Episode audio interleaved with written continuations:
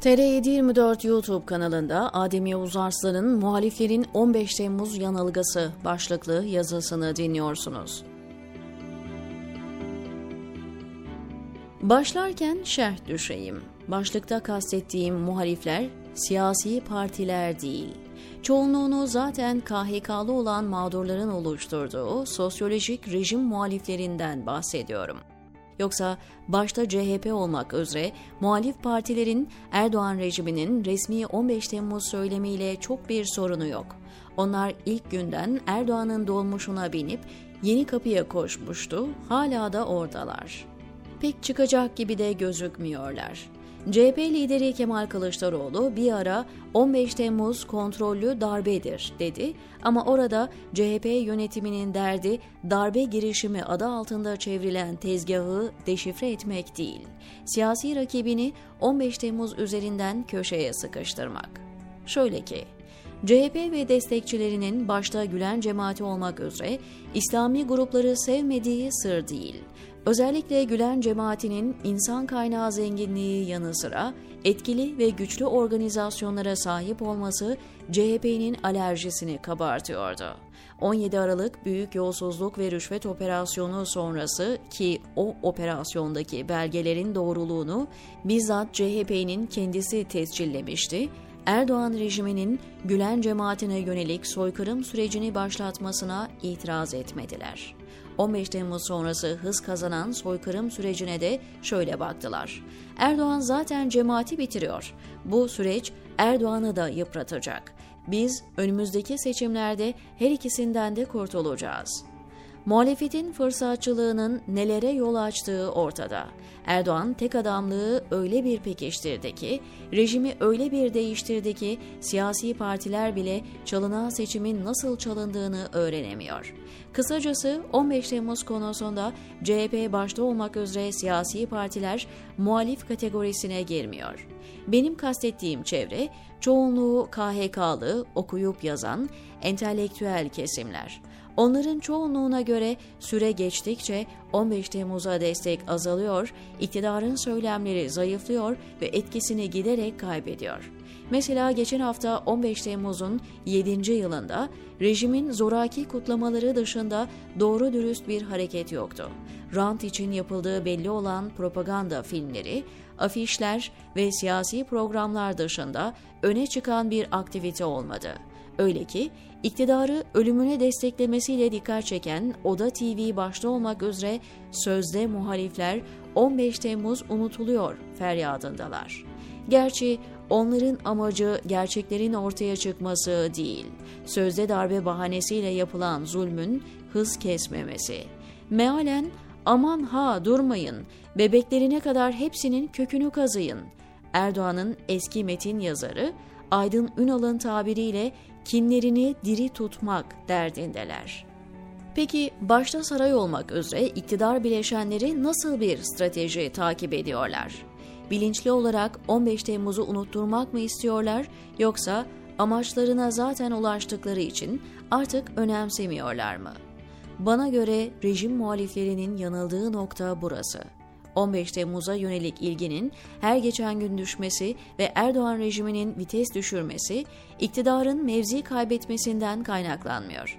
Tabii ki aralarında benim de bulunduğum sürgün gazetecilerin çabalarıyla ortaya dökülen gerçekler, kamuoyundaki algı üzerinde etkili. Ama iktidarın ajandası bambaşka. Rejimin oyun planı şuydu. 15 Temmuz'a giderken zaten medyayı, yargıyı, bürokrasiyi şekillendirecek planları hazırdı. Nitekim o tuhaf gece daha kimin ne yaptığı belli değilken binlerce hakim savcıyı tutuklayıp jet hızıyla AKP teşkilatlarından avukatları hakim savcı yaptılar. Tüm muhalif medya kanalları alelacele kapatıldı. Hemen ardından da tüm devlet gücüyle propaganda başladı. Rejim öyle bir yüklendi ki darbeye inanmayanlar bile resmi söyleme karşı ses çıkaramaz hale geldi. Bu atmosferde anayasa değiştirildi, seçimler çalındı, bürokrasi baştan aşağı yenilendi. Ülke kamu gücü kullanılarak yağmalandı. Yapılanlar ortada olduğu için tek tek saymayacağım. İlk günlerde AKP teşkilatlarından otobüslerle mahkemelere taraftar bile taşındı. Ancak işler iktidar adına yoluna girdikten sonra bırakın taraftarları AKP rejiminin önde gelenleri bile takip etmedi dosyaları. Nasıl olsa mahkemeler saraydan gelen talimatlarla müebbet hapis cezalarını bastı geçti.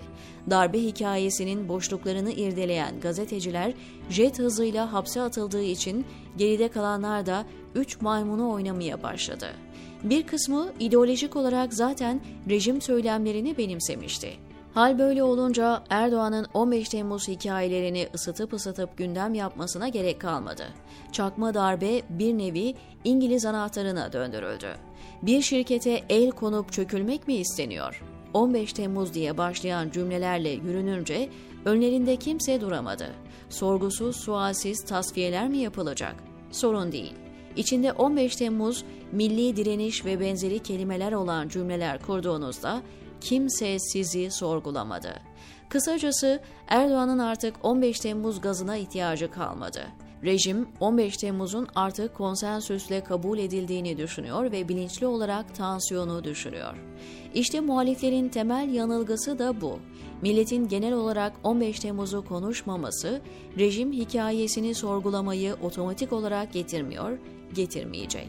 Erdoğan istediği, ihtiyaç hissettiği zaman gaza açacak, istediği zaman tansiyonu düşürecek.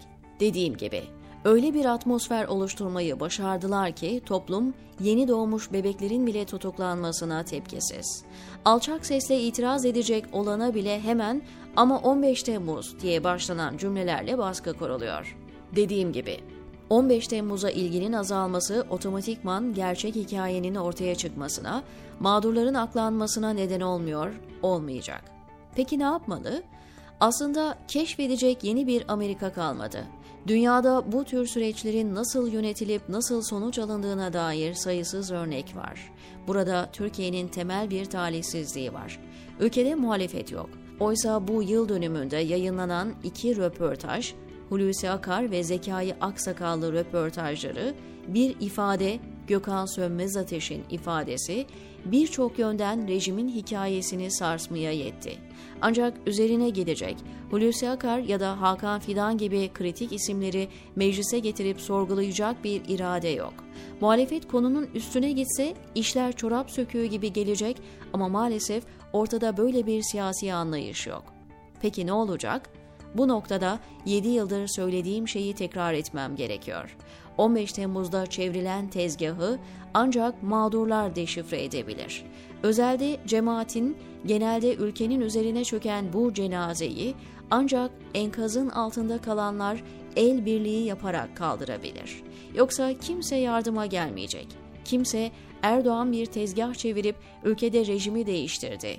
Masum insanları terörist ilan etti. Bir el atıp şu masumları kurtaralım demeyecekler. O yüzden başta askerler olmak üzere sürecin aktörleri ellerindeki bilgi, belge ve en önemlisi şahitliklerini anlatmalı, bu konuları çalışan gazetecilerle paylaşmalı. 7 yıldır bunu tekrar ediyorum ama bir iki küçük istisna dışında bu çağrım karşılık bulmadı. Mesela son günlerin popüler tartışma konusu Osman Şimşek'in açıkladığı mektup iddiası. 15 Temmuz'a dair o kadar çalışma yapmış birisi olarak ben bile bu mektubu duymamıştım. Bu kadar kritik bir olayı yıllar sonra duyuyoruz. İnsan ister istemez acaba başka neler var demeden edemiyor. Mektup deyince ne Hulusi Akar böyle bir mektup yazar ne de Gülen böyle bir mektubu ciddiye alır. Eğer bazı işgüzarlar Akar'dan diye mektup getirmeye kalkışmışsa bu ancak ve ancak 15 Temmuz'un saray kurgusu olduğu iddiasını desteklemekten öteye gitmez. İfadelerden gördüğümüz kadarıyla Akar özellikle cemaatçi olduğunu düşündüğü askerlerin yanında yüksek sesle iktidarı eleştirip darbe yapmaktan bahsediyor. Bunların Gülen'in kulağına gitmesini istediği açık kumpası kurgulayanlar bekledikleri dönüşü alamamış olacaklar ki bir adım daha ileri gidip sahte mektup işini organize ediyorlar. 15 Temmuz'da yaşananlara dair bilgisi, şahitliği ya da belgesi olanların önünde büyük bir risk daha var. Zaman çok hızlı geçiyor. Şimdiden 7 yıl oldu ve her geçen yıl doğal olarak mağdurların bile ilgisi düşüyor. Bazı mağdurlarda var olan Erdoğan rejimi değişsin, her şey kısa sürede aydınlanır beklentisine de katılmadığımı not düşmeliyim. Zamanında kullanılmayan bilginin, belgenin bir anlamı olmaz. Zaten birkaç yıl içinde 15 Temmuz artık sadece tarihçilerin gündeminde kalacak. Kaldı ki bu millet milyonlarca insanı ekran başına diken Sedat Peker ifşaatlarını bile bir iki ayda unuttu.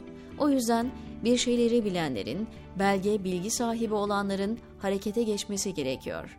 Gaybtan bir el gelip kurtarırsa bilemem ama mağdurlara kendileri dışında kimseden fayda yok. Olmayacak, diyor Adem Yavuz Arslan TR724'deki köşesinde.